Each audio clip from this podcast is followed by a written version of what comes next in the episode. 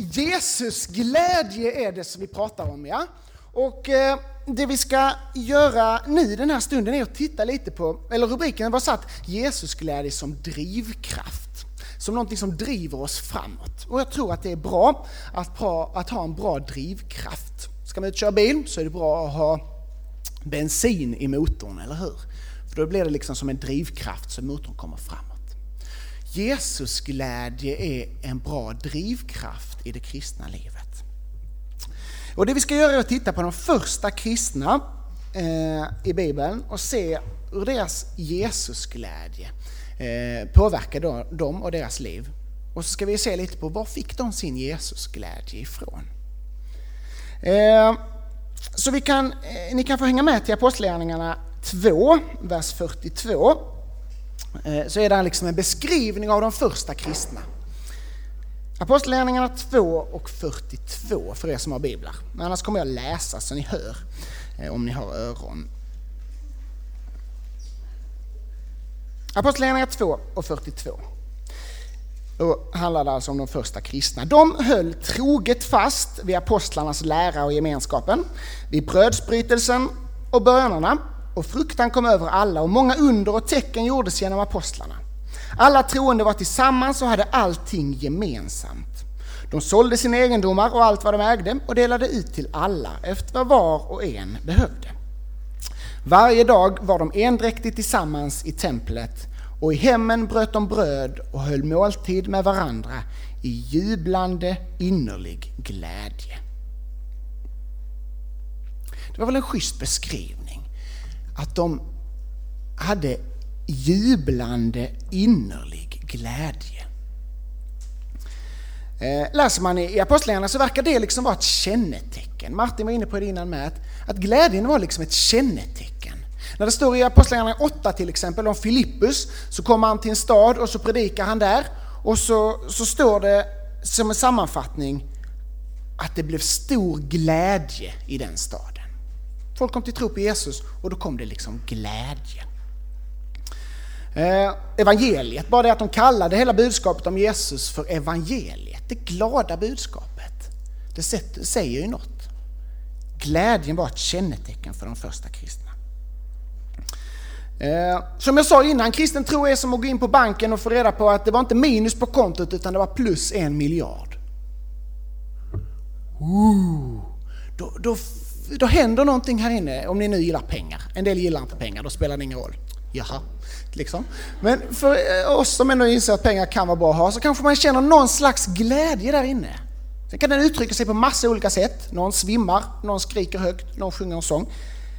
Men någonting här inne, eh, där finns, det skapas en glädje.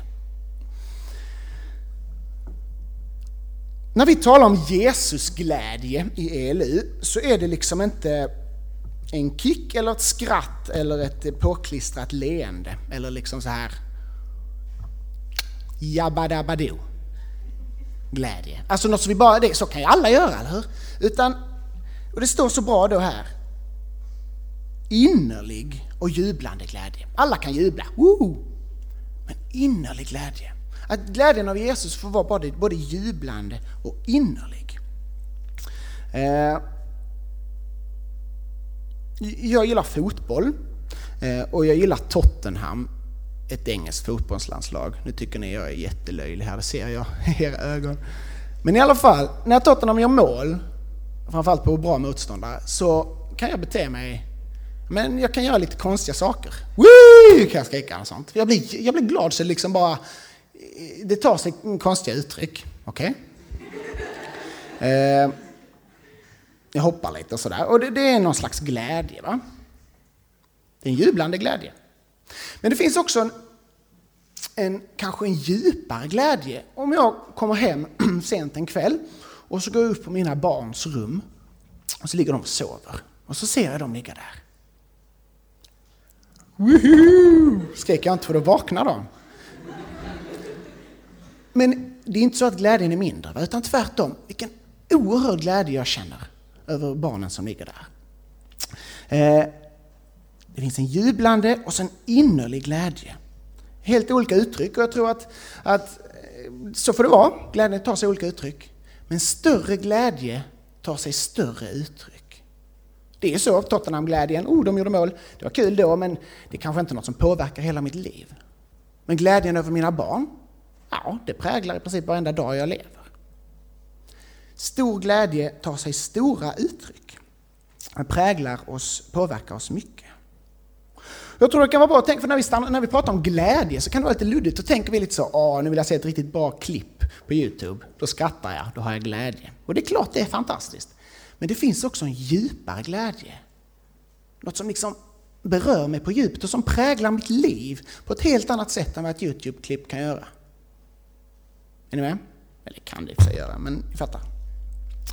Eh, ni är med på liksom skrattglädje och den här tacksamhetsglädje, om man kan kalla det så.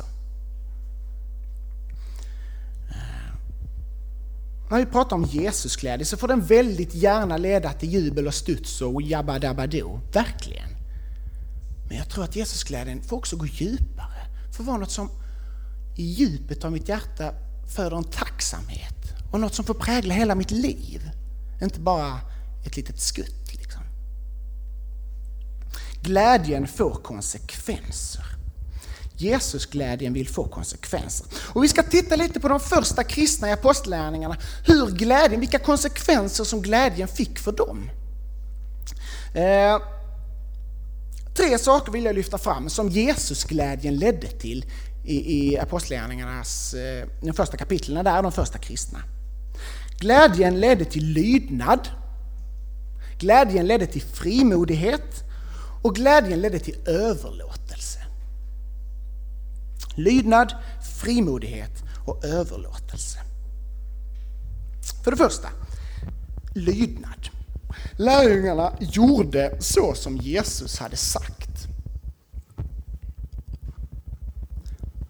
Ni vet att eh, när Jesus lämnar jorden så sa han någonting till lärjungarna. Det kan man läsa om i första kapitlet i Apostlagärningarna. Så står där i vers 4, en enkel sak.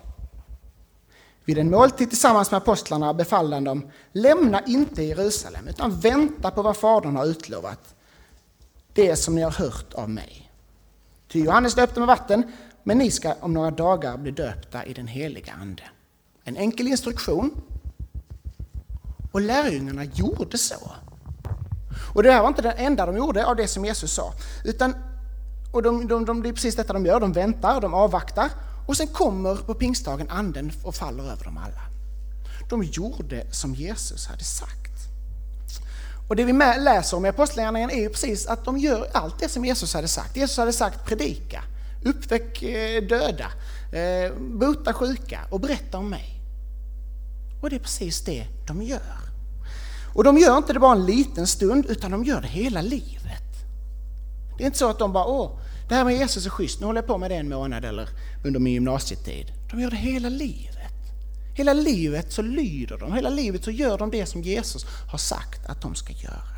Man kan fundera på, hade inte de några egna drömmar? Ja, de gör det som Jesus har sagt istället. Jag tror Petrus också minns förklaringsberget. Han var ju tillsammans med Jakob och Johannes vid ett tillfälle uppe på ett berg med Jesus och så började det lysa om Jesus och så dånar det och så kommer Mose och Elia och så kommer en röst från himlen. Gud själv talar. Det är lite spännande när Gud talar va? Vad säger då Gud? Jag tror Petrus minns detta. Gud säger två saker. För det första, detta är min son den älskade. I honom har jag min glädje. Alltså om Jesus. Det tyckte Gud var viktigt att säga. Den andra saken som han säger det är lyssna till honom. Har man hört ett sånt ord rakt upp och ner från Gud så det dånar i himlen, lyssna på Jesus, då gör man det. va? Och det märker vi att det, det är ett tecken på Jesus, det är en konsekvens av Jesusglädjen. Att de gjorde det som Jesus hade sagt. Ehm, jag behöver inte tvinga er till att lyssna på din favoritmusik, eller hur? För det gör du, du vill det, du gör det självklart. Så var det också för lärjungarna. De gjorde allt som Jesus, de ville göra i allt som Jesus hade sagt. Så den första konsekvensen av deras Jesusglädje var att de gjorde så som Jesus hade sagt. Lydnad. Den andra saken som vi ser att Jesusglädjen leder till i apostlärningarna, det är frimodighet. Och det är ganska uppenbart. Om ni har läst Apostlagärningarna någon gång, är det någon som har gjort det? Härligt, många händer i luften, många som har läst Apostlagärningarna. Om man har läst lite där så märker man, okej, okay, de är frimodiga. Lärjungarna var vanliga människor, precis som du och jag. Och människorna runt omkring dem var vanliga människor, precis som människorna runt omkring oss. Men vad är det då som gör att de är så frimodiga? Och jag så ofta är lite mer försiktig.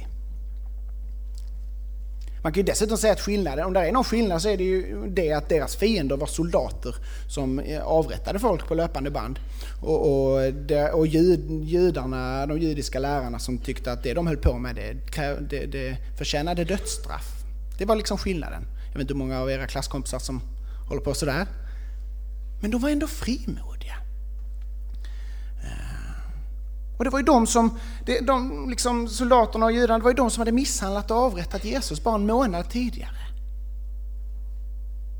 En månad tidigare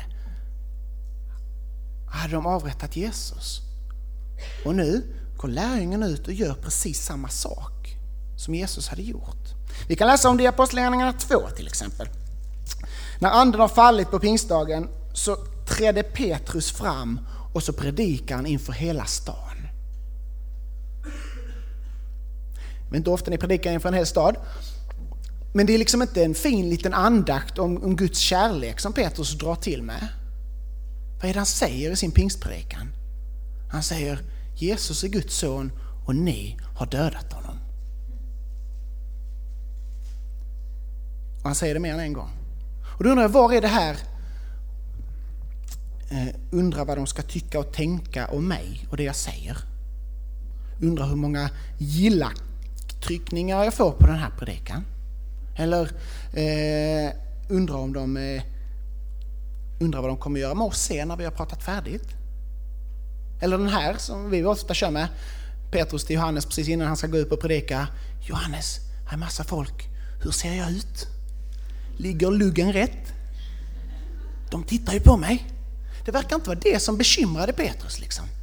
Han bara går fram och så predikar han inför en hel stad. Lame mannen i kapitel 3. Johannes och Petrus är på väg upp till templet och där sitter en lam man som har varit lam sedan födseln. Vad gör de?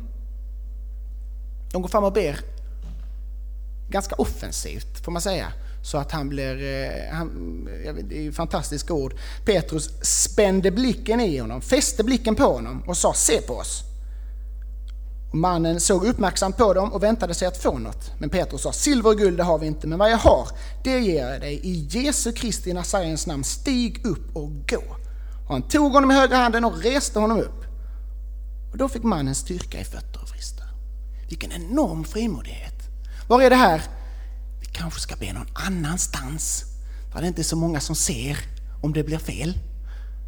Eller vi kanske ska be för någon annan lama män som har varit lama sedan födseln, det, är liksom, det finns ju lättare böneprojekt. Ska vi inte ta det istället? Var är det? Nej, de bara går fram, pang på, frimodigt utan tvekan. Och så drar de till och med upp den lame. Stig upp och gå. Vilken frimodighet! Kapitel 4 likadant. Här blir Johannes och Petrus indragna inför Stora rådet. Stora rådet, alltså judarnas eh, liksom, regering, de som hade sett till att Jesus avrättades. Och så, för de gillar inte det som Petrus och Johannes håller på med. Anledningen att, de, att, de, att han gjorde den här eh, lame mannen frisk. Va, vad tänker Petrus och Johannes då? Oj, de dödade Jesus. Undrar hur de ska döda oss. Eller oj, oj, oj, nu tar vi det lite lugnt. Vad säger de? De säger samma sak. Jesus är hela världens frälsare. Och honom har ni korsfäst. Honom har ni dödat. Guds Messias. Det står till och med i vers 13 där kapitel 4 att överste, eller Stora rådet, när de, de såg hur frimodiga Petrus och Johannes var och märkte att de var olärda man och, män och folket, då blev de förvånade. De var så otroligt frimodiga. Och vad gör eh, eh, rådet då? Jo, då förbjuder de. Eh, ni får inte prata om Jesus överhuvudtaget. Det är liksom den högsta makten som finns bland judarna. Ni är förbjudna. Vad säger Petrus då? fantastiska ord i vers 19. Men Petrus och Johannes svarar dem, döm själva om det är rätt inför Gud att lyda er och inte Gud. Vi för vår del kan inte tiga med vad vi har sett och hört. Så otroligt frimodigt. De står inför de som har dödat Jesus och säger, ja, ja, vi kan inte hålla tyst. Det fattar ni väl? Vilken frimodighet. Och sen i nästa stycke i kapitel 4 så träffar de de, de andra lärjungarna. Och så, oh, nu måste vi be tillsammans. För nu är de knart i ganska stor knipa. De har blivit förbjudna att hålla på med det de vill göra av den högsta makten i landet. Vad gör de då när de träffas, de kristna? Oh, gode Gud, beskydda oss, hjälp oss, bevara oss, var med oss. Nej, de ber så här i vers eh, 29. Och nu, Herre, se hur de hotar oss och hjälp dina tjänare att frimodigt predika ditt ord. Är ni med? Anfall är bästa försvar, pratar man om fotboll ibland. Att om man bara attackerar hela tiden så behöver man inget försvar. för att Det kommer inte... Det är liksom lite det de kör på här. Vi bara går framåt. Vilken enorm frimodighet. Så det var den andra saken som vi ser. Jesusglädjen leder till frimodighet. Den tredje saken som Jesusglädjen leder till, det är överlåtelse. Och det är en viktig aspekt i vår tid. Vad är överlåtelse för något? Vad är överlåtelse? Eh, om man går till banken så kan man göra en överlåtelse. Man kan överlåta ett hus till exempel, eller kan man överlåta ett abonnemang om ni har ett abonnemang som kostar för mycket pengar för er. Så kan ni överlåta det till era föräldrar. Så får de det istället. Smart. Eh, det är att ge bort äganderätten. Det är att överlåta något. När vi inom kristen tro pratar om överlåtelse, vad är det vi överlåter? Till oss själva. Och vad är det vi överlåter oss till? Jo, det är till Jesus ytterst sett. I Andra Korinthierbrevet 5 och vers 15 så skriver Paulus att Jesus dog för alla för att de som lever inte längre ska leva för sig själva utan för honom som har dött och uppstått för dem. Alltså man lever inte som kristen längre för sig själv. Alltså det är inte mig och mitt liv som gäller längre utan det är Jesus, det är hans, vil, det är hans vilja som gäller. I, under andra världskriget så fanns det en eh, slogan här i Sverige, eller slogan fanns kanske inte på den tiden i och för sig, men eh, liksom man sa så här att Finlands sak är vår. Är det någon som känner igen det från historielektionerna? Det var ju därför att Finland låg granne med Ryssland och Ryssland var fienden och så hamnade Finland i krig och då drev man en kampanj i Sverige att vi ska minsann stå upp och kämpa för finnarna, för det är vårt brodersfolk. Så Finlands sak är vår. Blir de attackerade så är det faktiskt vi som blir attackerade. Finlands sak är vår. Vi får säga att Kristus sak är vår. Det är så lärjungarna i apostlärningarna lever sina liv. Att det som har med Jesus att göra, det är liksom vår grej. Det är det som gäller. Vi har liksom gett oss själva till honom. Och det märks oerhört tydligt i apostlärningarna. Lärjungarna är beredda att gå i döden för det här. Det är inte så att det är en liten hobby de har, det är inte så fredagskvällar, ungdomsgruppen gött. Utan där, de är beredda på lidande, de är beredda på att dö för den här sakens skull. Stefanus, är det oerhört tydligt i kapitel 7, när han eh, avrättas, blir stenad. Det är den första av lärjungarna eh, som, eh, i, kyrkan som blir, blir, blir avrättad. Vilken överlåtelse! Och hur reagerade församlingen på det? Det kan man fundera på. Slutade de? Nej, nej, tvärtom. De bara fortsatte. Därför att de hade överlåtit sitt liv till Jesus. Det tillhörde inte dem längre. Och de hade liksom släppt taget om det. Och då fick det gå som det ville. För att Jesus sak var deras. I andra Timoteusbrevet 2 så kan vi läsa om soldaten eh, som, som eh, vi läser bara för det. Eh, andra Tim 2 Lid också du som en god Kristi soldat, är uppmaningen. Ingen soldat är upptagen av bekymmer för sin egen försörjning. Han vill stå i hans tjänst som har värvat honom. Alltså är det någon som har gjort lumpen här? Eller vad heter det? Lumpen heter det inte nu för tiden. Eh, August har gjort det. Det är liksom inte så när man vaknar upp i, i armélivet så är det inte så här, oh, vad vill jag göra idag? Idag känner jag för att, eh, hmm. Det är inte så det funkar va? Får jag en nickning på det? Nej, precis rätt. Det är inte så det funkar. Utan det funkar så här, okej, okay, undrar vad officerarna har bestämt att vi ska göra idag. Det är liksom den inställningen som de första kristna har. Undrar vad Jesus har bestämt att jag ska göra idag. De hade överlåtit sig till Jesus. Och det vill också vi säga när det gäller överlåtelse är att den här överlåtelsen konkretiserades på ett väldigt tydligt sätt i det att de också överlät sig till församlingen. De hade synen på att Kristi kropp och församlingen, det är samma. Alltså, församlingen kallar man Kristi kropp, det är liksom Jesus på jorden. Så att ge sig själv till Jesus, det var att ge sig själv till den kristna gemenskapen. Att överlåta sig till sin kristna gemenskap, till församlingen. Det läste vi där i Apostlagärningarna 2, eh, som jag inledde med att läsa. Så stod det, de höll troget fast vid apostlarnas lära och gemenskapen. De höll troget fast vid gemenskapen.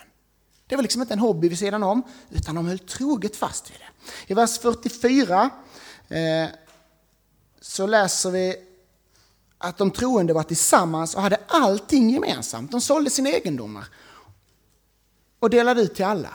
Alltså till och med den ekonomiska aspekten. Det var, en, det var en överlåtelse till gemenskapen, det var en överlåtelse rent ekonomiskt. De gav allt de hade till församlingen. Och så stod det i vers 45, 46. Varje dag var de endräktigt tillsammans i templet. Varje dag! Inte fredag klockan sju bara. Och söndag klockan tio. Det var liksom hela det, de överlät sig till församlingen så att det var liksom det deras liv kretsade omkring. Det var en överlåtelse till gemenskapen, till eh, en ekonomisk överlåtelse och en överlåtelse i tid och engagemang. Det är en ganska annorlunda syn eftersom vad vi ofta har på församlingen och den kristna gemenskapen. Vi går dit lite när det passar, kanske en del tänker. För Petrus och de andra var Jesusglädjen så stor att allt detta var en självklarhet. De gjorde allt detta med glädje. Det var inget tvång, det var inte så att man tvingade någon, utan man gjorde det därför att wow, Jesus, det här vill jag. De var glada givare allihopa och det är viktigt att, det säger Bibeln att vi, att vi ska vara. Gud vill ha glada givare, inte av tvång. Så vi har sett hur Jesusglädjen för de första kristna ledde till lydnad, frimodighet och överlåtelse.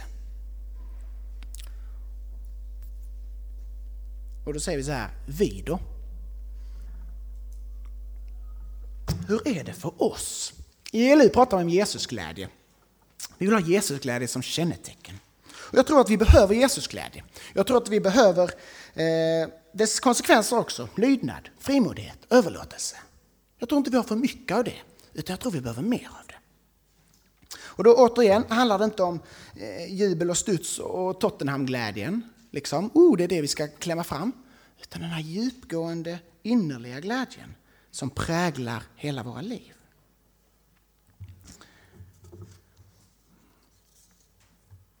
Känner vi igen oss i de kristna i apostlagärningarna? Känner ni så här, nej fy vad taskigt att jämföra oss med dem. Och det är det också, det är jättetaskigt. Jag är ganska taskig nu. Att vi jämför oss med Petrus och de andra. Det är inte riktigt schysst. Men kanske kan det ändå finnas en poäng i det. Och det är inga lätta punkter att jämföra sig med. Lydnad, frimodighet, överlåtelse. Jag, jag är egentligen stark motståndare till all form av jämförelse. Men kanske kan det ändå vara en liten, jag tycker det är destruktivt med jämförelse, så sluta med det egentligen. Men nu gör vi en liten grej bara för det. Bara, eh, ja. Kan vara bara spegla sig lite. Hur, hur, hur har jag det med Jesusglädje? Jag tror inte det är bara jag som när jag läser de här texterna känner aj, aj, aj. Hur är det med Jesusglädje? Hur är det med lydnad? Hur är det med frimodighet? Hur är det med överlåtelse?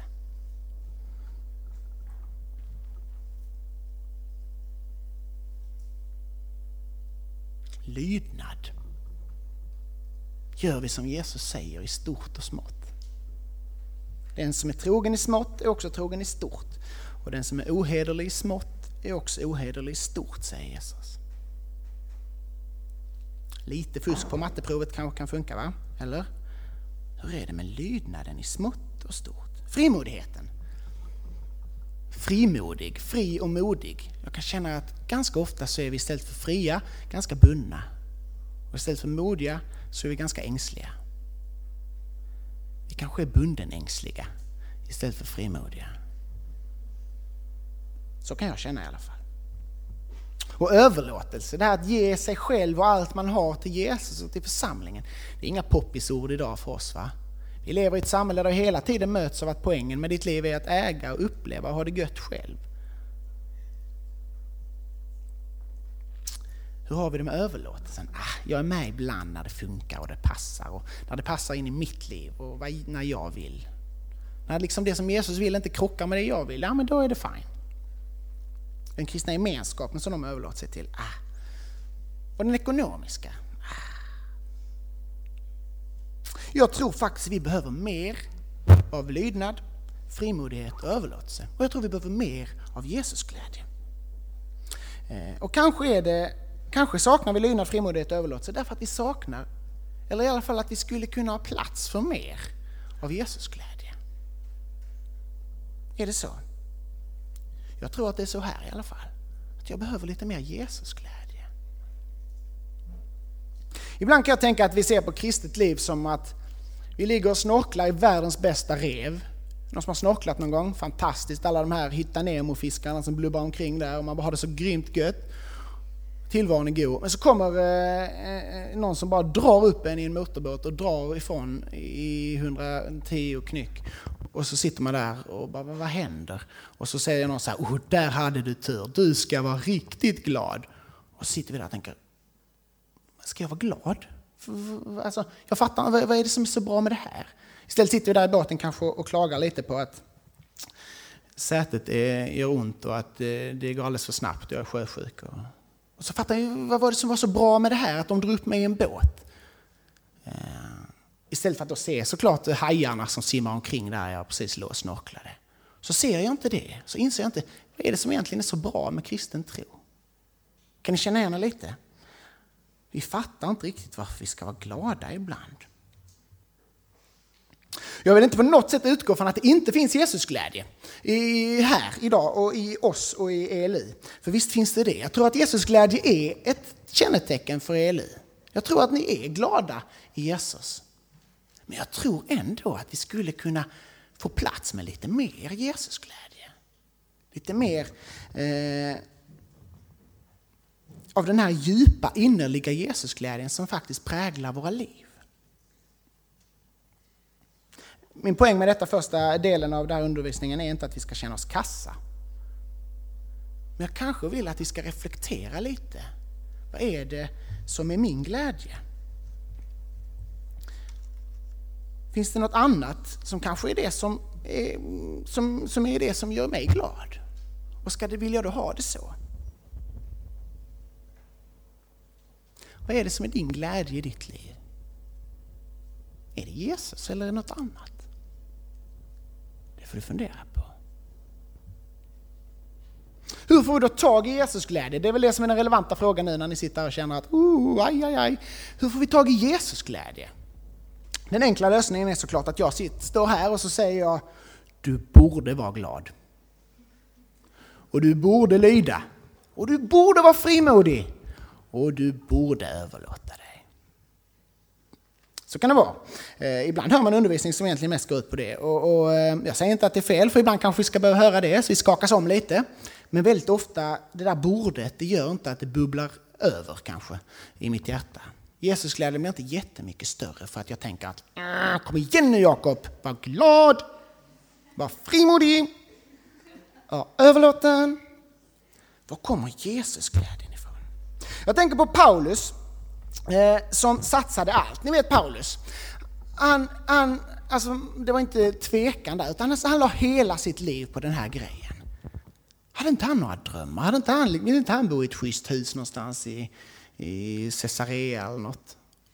Med fru och barn och Volvo och vovve och allt. Han satsar allt. Och Martin läste från Andra Korinthierbrevet 6 eh, tidigare idag. Eh, om, om hans, lite, han skriver lite om sitt liv. Och jag vill göra det med, för det är starka ord. Andra Korinthierbrevet 6, vers 4. Eh, nej, jag bara skojar. Första Korinthierbrevet 6 är det väl. Ska vi se.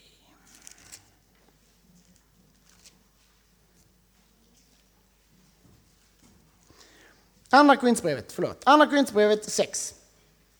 Så står det så här. Att vi är Guds i vers 4. Under alla förhållanden vill vi visa att vi är Guds tjänare med stor uthållighet. Under lidanden, nöd och ångest, under hugg och slag, under fångenskap och upplopp, under arbete, nattvak och svält. Låter det kul? Ska vi ta det en gång till? Vi vill visa att vi är Guds tjänare med stor uthållighet under lidanden, nöd och ångest, under hugg och slag, under fångenskap och upplopp, under arbete, nattvak och svält. Det är, liksom, det, är det livet Petrus, Paulus lever. Och då undrar jag, hur orkar han? Hur pallar han? Vad är det som driver honom? Och det skriver han i kapitlet innan, samma sida, nej, sidan före. I vers 14 i kapitel 5 så skriver han väldigt enkelt, ty Kristi kärlek driver oss. Kristi kärlek driver oss. Det är liksom drivkraften.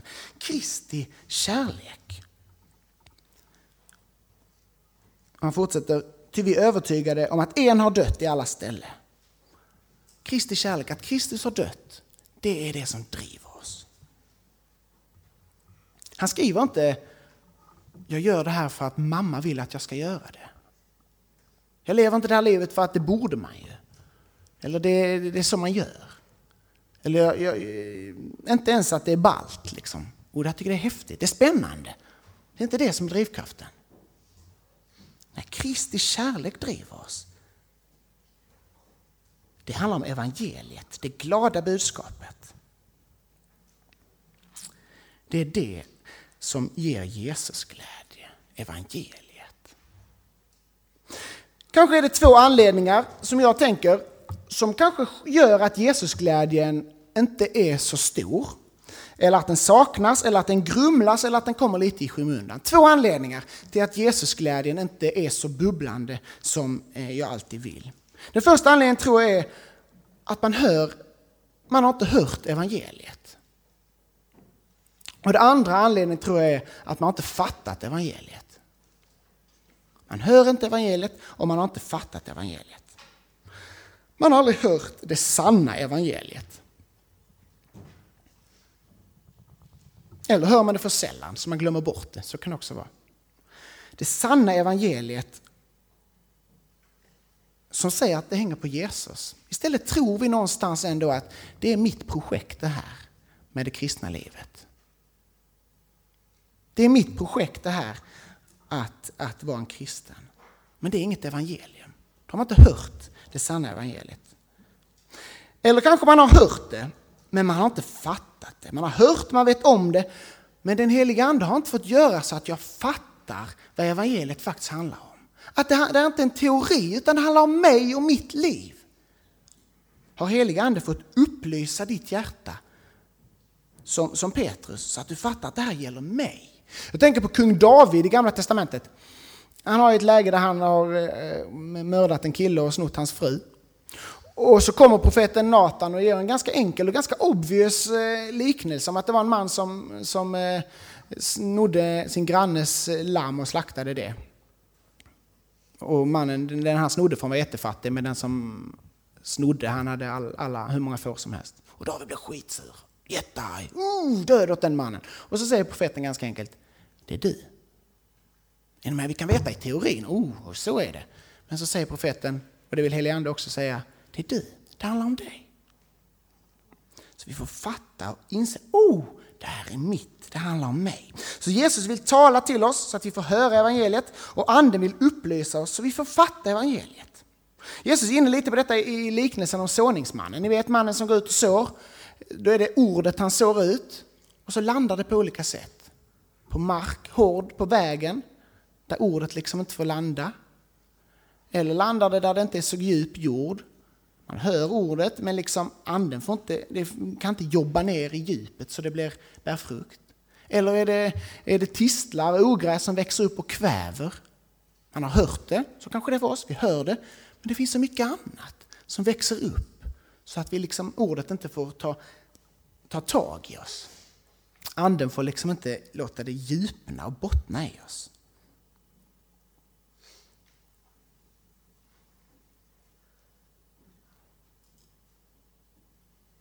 Vad är det som stoppar vår Jesusglädje? Vad är det som stoppar din Jesusglädje? Utifrån såningsmannen. Jag skulle egentligen läst det, men jag hinner inte det nu. Vad är det som liksom gör att ordet, evangeliet, inte får oh, ta tag i mig? Hör jag evangeliet, hör jag det ofta så jag inte glömmer det och låter jag anden, eller får anden liksom väcka det i mig. Det fantastiska med evangeliet är inte att det inte är en projektplan. Jag ska inte nu nästa pass, när vi pratar om detta, eh, om evangeliet, inte ge fem punkter. Gå hem och fixa det här så löser det sig nog till nästa vintermöte. Kan vi komma hit då och se hur det har gått? Nej, evangeliet är alltid ett nubudskap. Som, för det handlar inte om något som du ska göra, utan det handlar om något som Jesus har gjort. Och det får du se, höra, fatta och ta emot.